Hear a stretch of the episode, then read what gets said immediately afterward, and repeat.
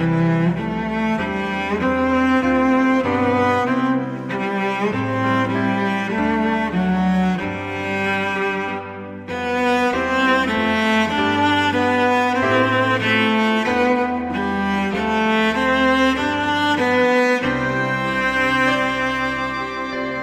Tuhan kita membaca ayat Alkitab dari Rasul pasal yang ke-12 ayat yang ke-20 sampai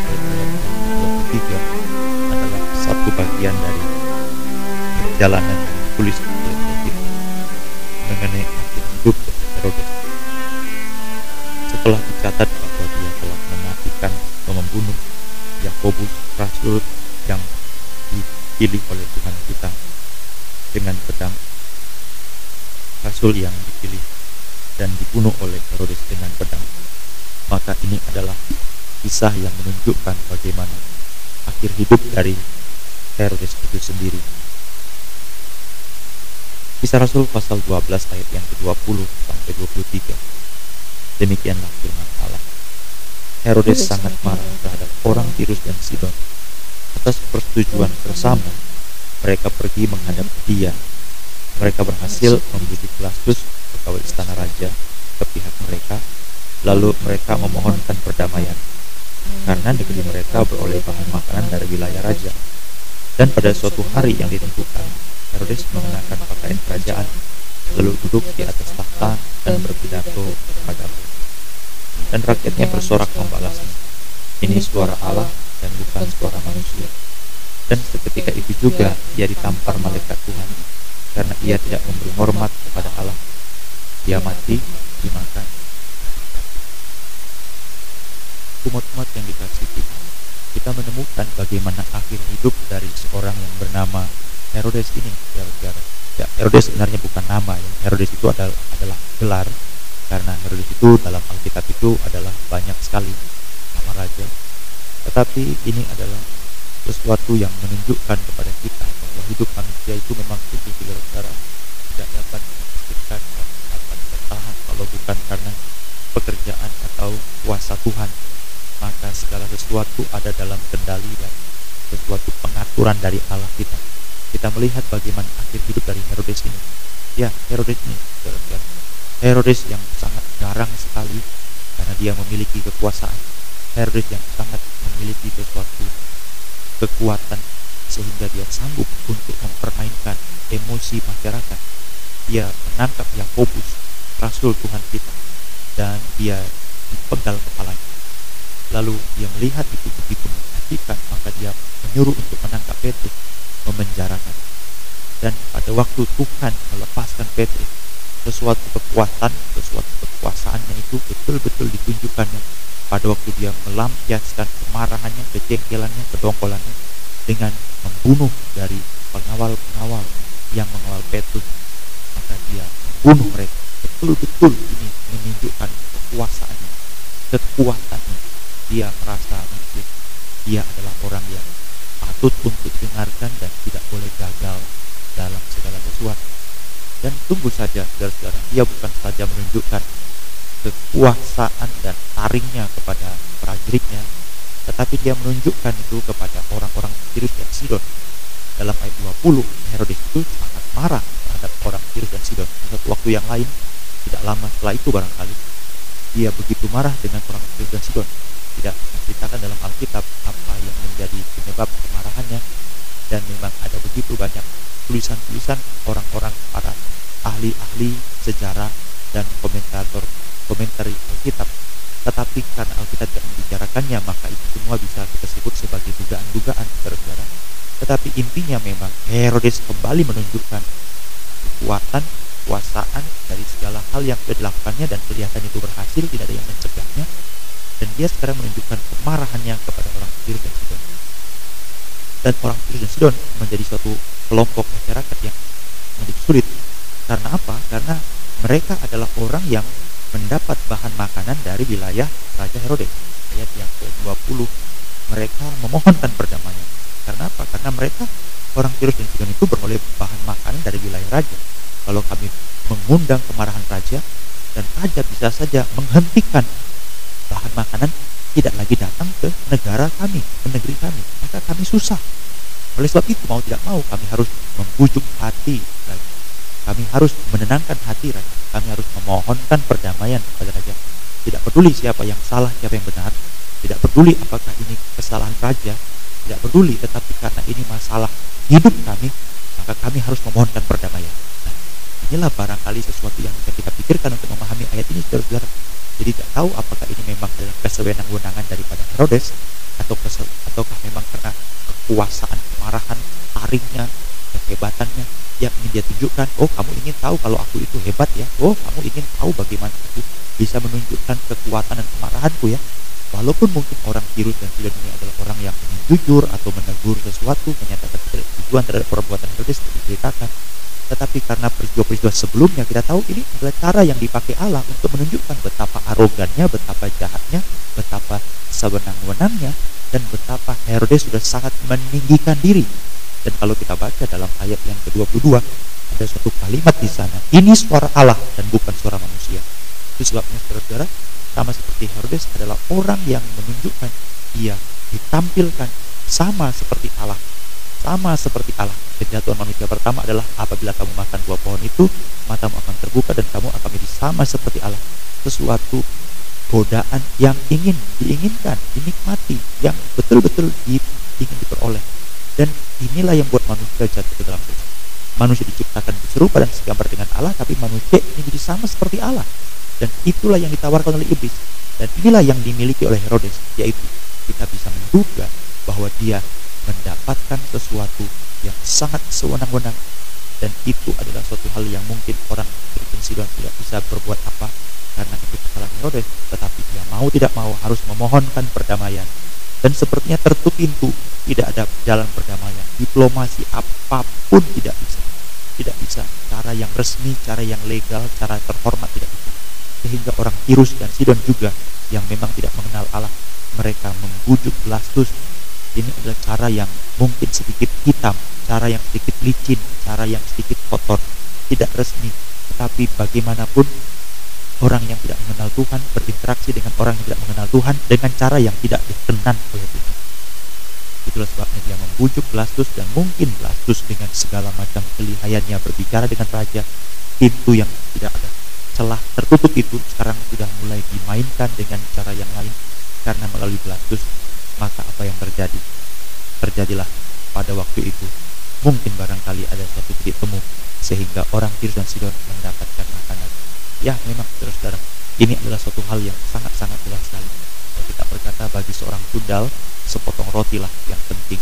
Jadi mungkin dia tidak mementingkan integritas mungkin dia tidak mementingkan cara yang baik mungkin tidak mementingkan sesuatu hal yang terhormat, jujur, integritas dan kredibilitas di segala-galanya tidak. Yang penting makanan karena kami dapat makan dari daerah raja maka kami harus mengatakan iya walaupun dia salah ya apa pun. Tetapi saudara dari sini kita lihat. Ini adalah titik temu. Titik temu di mana orang yang seolah-olah merasa benar selalu merasa benar senantiasa merasa benar dan tidak ada yang mencegahnya ini berbahaya. Ini berbahaya mungkin merasa benar dan serba benar dan walaupun Tirus dan Sidon itu tidak sanggup untuk mengkritik mencegah Herodes tetap merasa benar.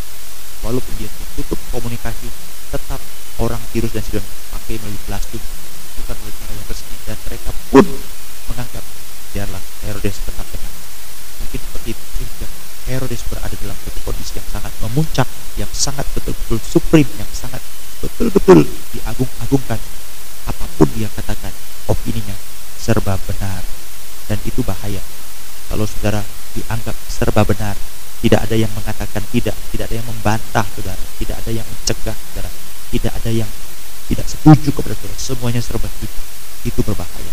Itu berbahaya. Membuat saudara sampai pada satu tempat yang licin. Tetapi Tuhan memberikan kesulitan kepada kita. Tuhan menunjukkan orang-orang yang tidak setuju dengan kita. Agar kita dapat menahan diri supaya kita memeriksa diri kita sendiri. Apakah sungguh kita sudah jauh dari Tuhan? Ataukah sewenang-wenang? Ini perlu saudara-saudara suatu kunci daripada kehidupan jadi kalau ada orang sekitar kita itu hanya mementingkan makanan bukan hanya mementingkan perkataan bijaksana ini berbahaya karena bagi dia tidak peduli engkau jujur atau tidak jujur yang penting dengan berkomunikasi, berinteraksi, berteman, bersahabat denganmu, aku mendapat keuntungan. Ini berbahaya. Jadi prinsip-prinsip ini adalah prinsip yang harus kita renungkan pagi ini saja. Berbahagialah kalau ada orang yang menyatakan ketidaksetujuan dengan kita. Barangkali itu dipakai oleh Tuhan untuk memeriksa betapa fasiknya kita. Raja Daud pada waktu dia keluar dari Yerusalem, waktu dia dikejar oleh Absalom, maka dia keluar dengan telanjang kaki, dengan sesuatu keadaan yang sangat terburu-buru tergesa-gesa dan tidak membawa sesuatu apa pun. Hanya orang-orang yang menyertainya. Dan di tengah jalan itu ada apa hamba dari Saul yang menghina dia bolak-balik berulang kali sambil berjalan. Dia seorang dari pengawal Daud mengatakan aku bisa turun dan memotong leher orang itu supaya dia berhenti untuk berkata-kata. Saudara tahu apa respon Daud?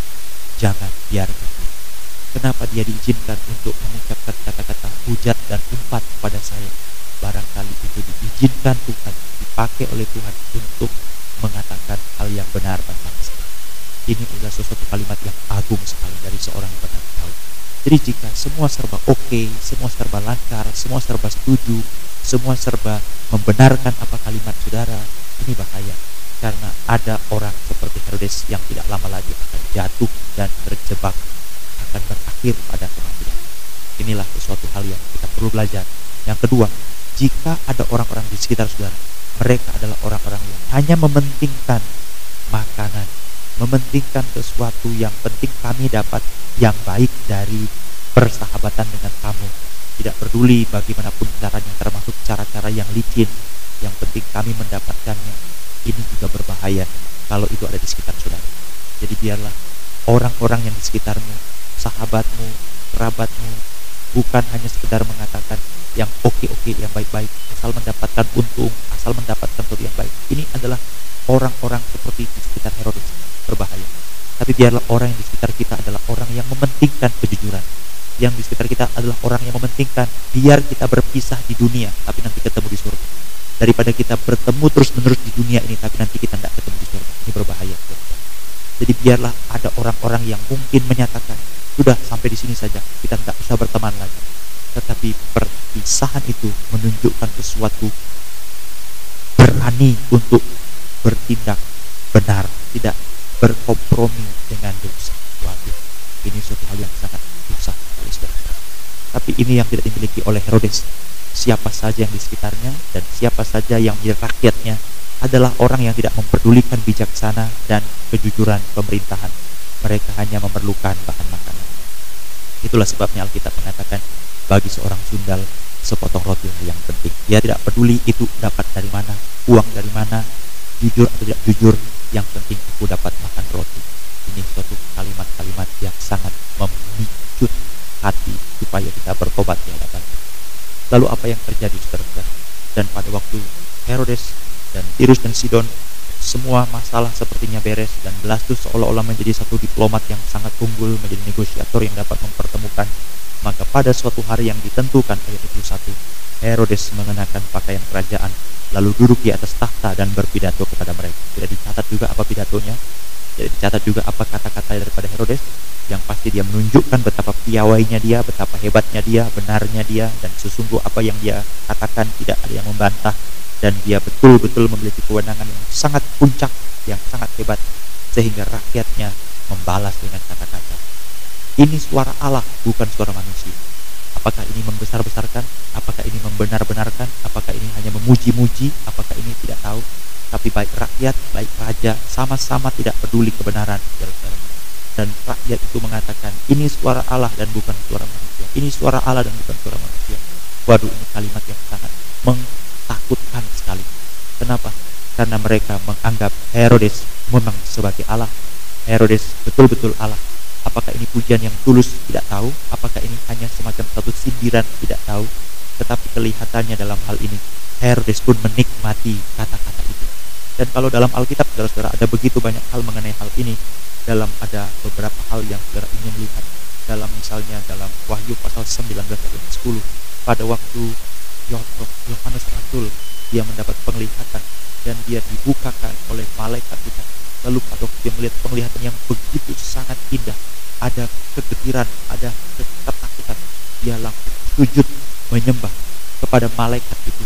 Dan malaikat itu langsung berdiri untuk mencegah daripada Yohanes. Dia berkata, "Jangan, jangan berbuat demikian. Jangan tersungkur di hadapanku karena aku sama dengan kau, tetapi sembahlah aku." Bayangkan ini malaikat saja Saudara-saudara tidak menerima penyembahan, bahkan mencegah orang untuk memperlakukan dirinya sebagai Allah. Wahyu 19 ayat 10. Ada beberapa peristiwa lagi. Bukan hanya malaikat tetapi rasul seperti Petrus waktu dia bertemu dengan Cornelius di Rasul pasal 10 Kisah Rasul 10 ayat 25-26. Begitu Petrus hadir sampai tiba di rumah Cornelius. Petrus hadir di rumah Cornelius. Langsung Cornelius tersungkur di depan kaki daripada Petrus. Petrus segera mencegah, langsung membangkitkan. Ayo berdiri Cornelius. Jangan sujud, jangan tersungkur di hadapanku. Aku manusia biasa. Tidak ada seorang pun yang berhak untuk disebut sebagai menerima penyembahan seperti Allah pada waktu kisah Rasul pasal 14 ayat 11 sampai 15 itu adalah kisah Paulus dan Barnabas mereka disebut setelah mereka melayani mereka mengadakan suatu hal yang sangat menakjubkan orang-orang di Listra di daerah Derbe maka mendengar itu orang mengatakan hai semua rakyat ini adalah Pet, Paulus dan Barnabas adalah dewa yang turun dalam rupa manusia di tengah-tengah kita seluruh kota itu orang-orang itu membawa persembahan sesajian kepada mereka. Wah, apa yang terjadi? Mereka tidak menginginkan sedetik pun, sedikit pun menerima kalimat penyembahan itu. Mereka langsung menerjunkan diri ke tengah masyarakat, mengkoyakkan pakaian mereka yang menutupi kebesaran mereka. Mereka koyakkan pakaian mereka yang menutupi sesuatu kebanggaan, sesuatu kehebatan yang harus saja dilihat oleh orang-orang masyarakat dan berkata, kami manusia biasa sama seperti kamu. Kita pasal 4 ayat 11 Orang-orang itu tidak membiarkan sedikit pun dirinya. Malaikat, Rasul Petrus, Pet, Petrus, Barnabas, Paulus, Rasul Paulus tidak membiarkan sedikit pun dirinya untuk menikmati pujian sebagai Allah disebut sebagai Allah tidak. Tetapi Herodes dalam jubahnya yang sangat megah itu disebut ini suara Allah tidak ada reaksi, tidak ada respon menunjukkan motivasi dalam dirinya memang dia ingin dipuji ya. Yesus berkata dalam Lukas pasal 4 ayat 8 kepada iblis si pencoba itu. Sembahlah aku kata iblis. Yesus berkata hei enyahlah karena hanya Allah saja yang disembah dan hanya kepada dia sajalah kau berbakti. Jadi bakti kita kepada Allah sembah kita kepada Allah tidak patut seorang pun disebut sebagai Allah. Karena Allah adalah satu dan Allah hanya dialah yang patut diperlakukan menerima penyembahan sebagai Allah. Manusia berdosa karena manusia ingin jadi seperti Allah.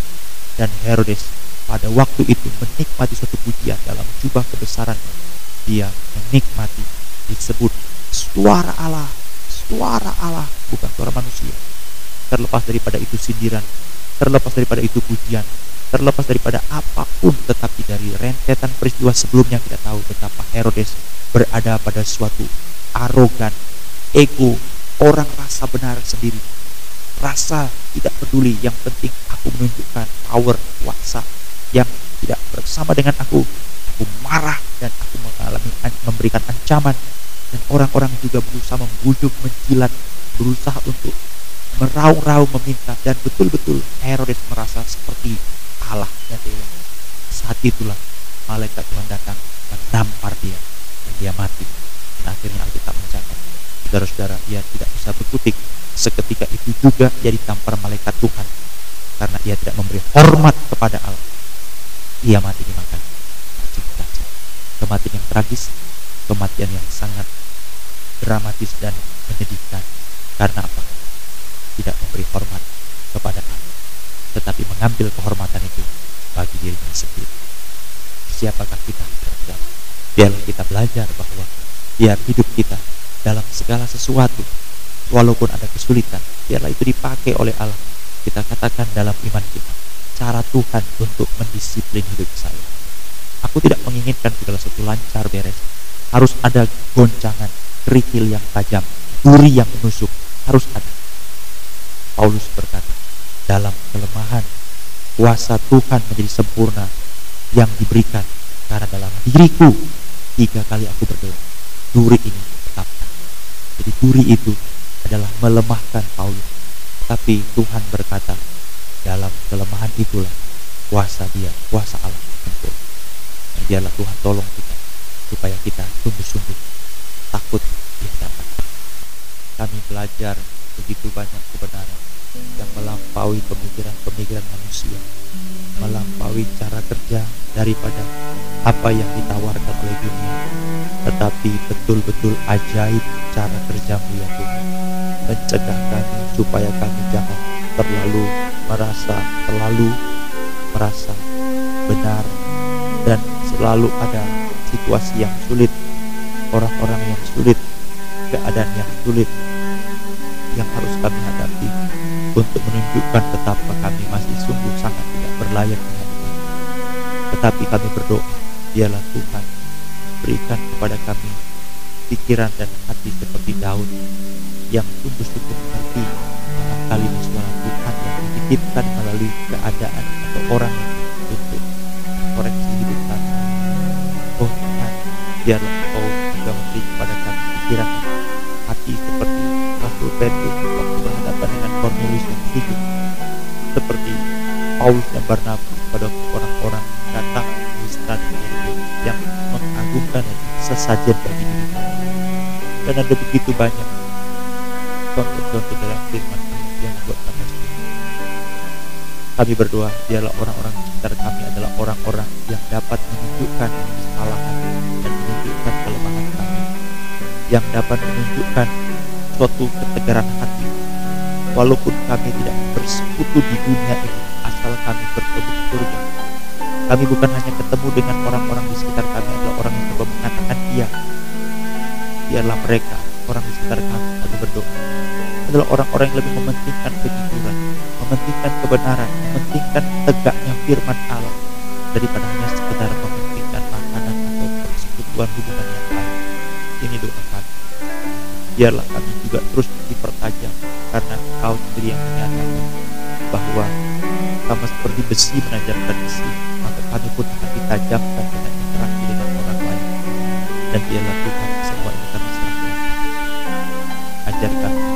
takut akan Tuhan dalam segala sesuatu.